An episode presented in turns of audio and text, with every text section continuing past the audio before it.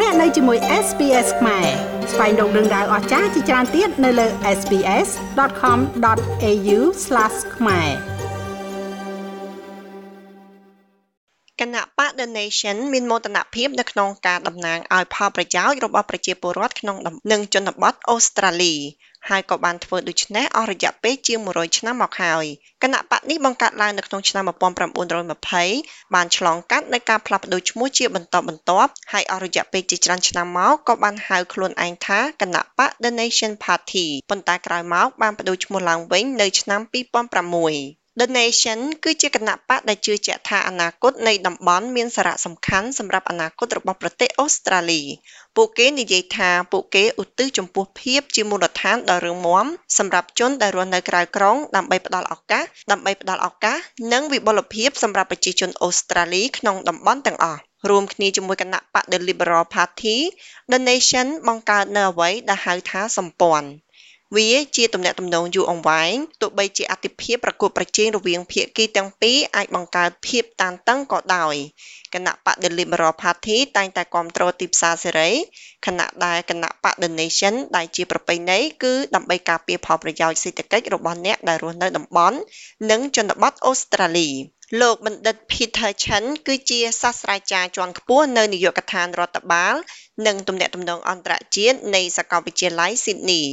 លោកថាគណៈបកនៅតែបន្តទទួលការគ្រប់គ្រងយ៉ាងរឹងមាំនៅក្នុងតំបន់បើទោះបីជាគណៈបកនយោបាយផ្សេងទៀតកើនឡើងក៏ដោយ So while the Nationals are a small ដូច្នេះគណៈដែលគណៈបក The Nation គឺជាគណៈបកតូចមួយនិងជាសមាជិកបីក្មេងនៃសម្ព័ន្ធពួកគេពិតជាមានការគ្រប់គ្រងយ៉ាងខ្លាំងនៅក្នុងតំបន់ពួកគេពិតជាបានជួបប្រទះបញ្ហាប្រឈមនៅប៉ុន្មានឆ្នាំថ្មីៗនេះពីគណៈបកដូចជាគណៈបកអ្នកបាញ់អ្នកនេសាទនិងគណៈបកកសិករជាដើមយើងក៏ធ្លាប់ឃើញ Green ខ្លះនៅថ្នាក់រដ្ឋប្រកួតប្រជែងនឹងបេក្ខជន Nations មួយចំនួនប៉ុន្តែជាក់ស្ដែងខ្ញុំគិតថា The Nation នឹងនៅតែរក្សាតួនាទីសំខាន់របស់ពួកគេជាគណៈបកចម្រុះដ៏សំខាន់មួយ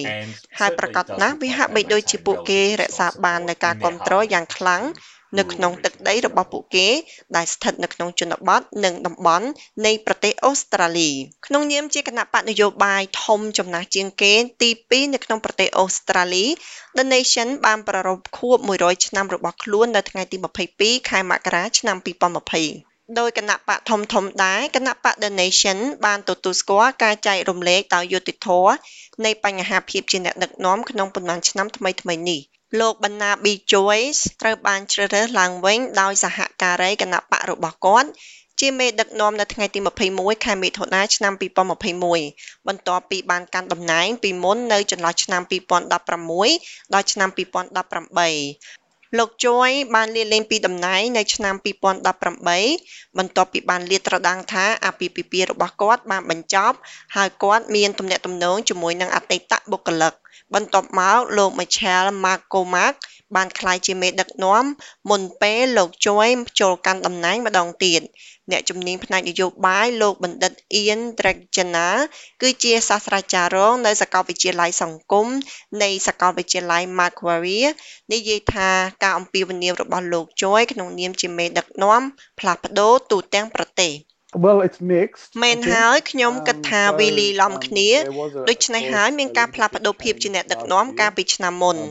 ហើយបណ្ណាប៊ីជួយពិតជាបានអំពាវនាវនៅផ្នែកជាច្រើននៅក្នុងតំបន់នៃប្រទេសអូស្ត្រាលីប៉ុន្តែខ្ញុំគិតថាការអំពាវនាវនោះមិនស្មើគ្នាដូច្នេះគាត់ប្រហែលជាមិនសូវមានប្រជាប្រិយភាពនិយាយថានៅ Victoria ជាងអ្នកនៅផ្នែកខ្លះនៃ Queensland និងរដ្ឋ New South Wales ជាឧទាហរណ៍ ចាប់តាំងពីការបោះឆ្នោតចុងក្រោយឆ្នាំ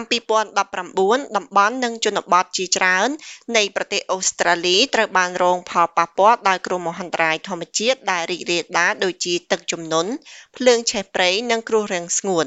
វិជ្ជបណ្ឌិតត្រេចចិណានិយាយថាវានឹងគួរឲ្យចាប់អារម្មណ៍នៅក្នុងការខ្លំមើលថាតើគ្រោះមហន្តរាយបរិស្ថានទាំងនេះនឹងមានឥទ្ធិពលលើជំរើសនៃការបោះឆ្នោតរបស់អ្នកគ្រប់គ្រងជាតិ The Nation ដែរឬទេ I, I think this is ខ្ញុំគិតថានេះគឺតកតងទៅនឹងវិធីដែលសម្ព័ន្ធភាពនយោបាយកំពុងផ្លាស់ប្ដូរនៅក្នុងព្រៃដូច្នេះអ្នកកំពុងទទួលបានកសិករជាច្រើននិងប្រជាពលរដ្ឋក្នុងតំបន់ជាច្រើនទៀតជាក់ស្ដែងមានការព្រួយបារម្ភកាន់តែខ្លាំងឡើងអំពីបញ្ហាអាកាសធាតុទាំងនេះដោយមានបំណងធ្វើអ្វីមួយដោះស្រាយវាដោយការផ្លាស់ប្ដូរការអនុវត្តកសិកម្មនិងអ្វីផ្សេងទៀតដូច្នេះហើយវាពិតជាករណីដែលប្រជាជាតិមិនអាចពឹងផ្អែកទៅលើកសិករតាមរបៀបដែលពួកគេអាចធ្វើបានទៀតទេដោយសារការអនុវត្តកសិកម្មកំពុងផ្លាស់ប្ដូរដូច្នេះហើយបញ្ហាអាកាសធាតុទាំងនេះពួកគេពិតជាមានប្រតិកម្មនៅក្នុងតំបន់ជាច្រើនអត្ថបទនេះរៀបចំដោយ Peggy K.A. Gomelo និងប្រែសម្រួលដោយនាងខ្ញុំ Lau Dane សម្រាប់ការផ្សាយរបស់ SBS ខ្មែរ ង់ស្ដាប់រឿងក្រៅបែបនេះបន្ថែមទៀតទេ ស្ដាប់នៅលើ Apple Podcast Google Podcast Spotify ឬកម្មវិធីដទៃទៀតដែលលោកអ្នកមាន។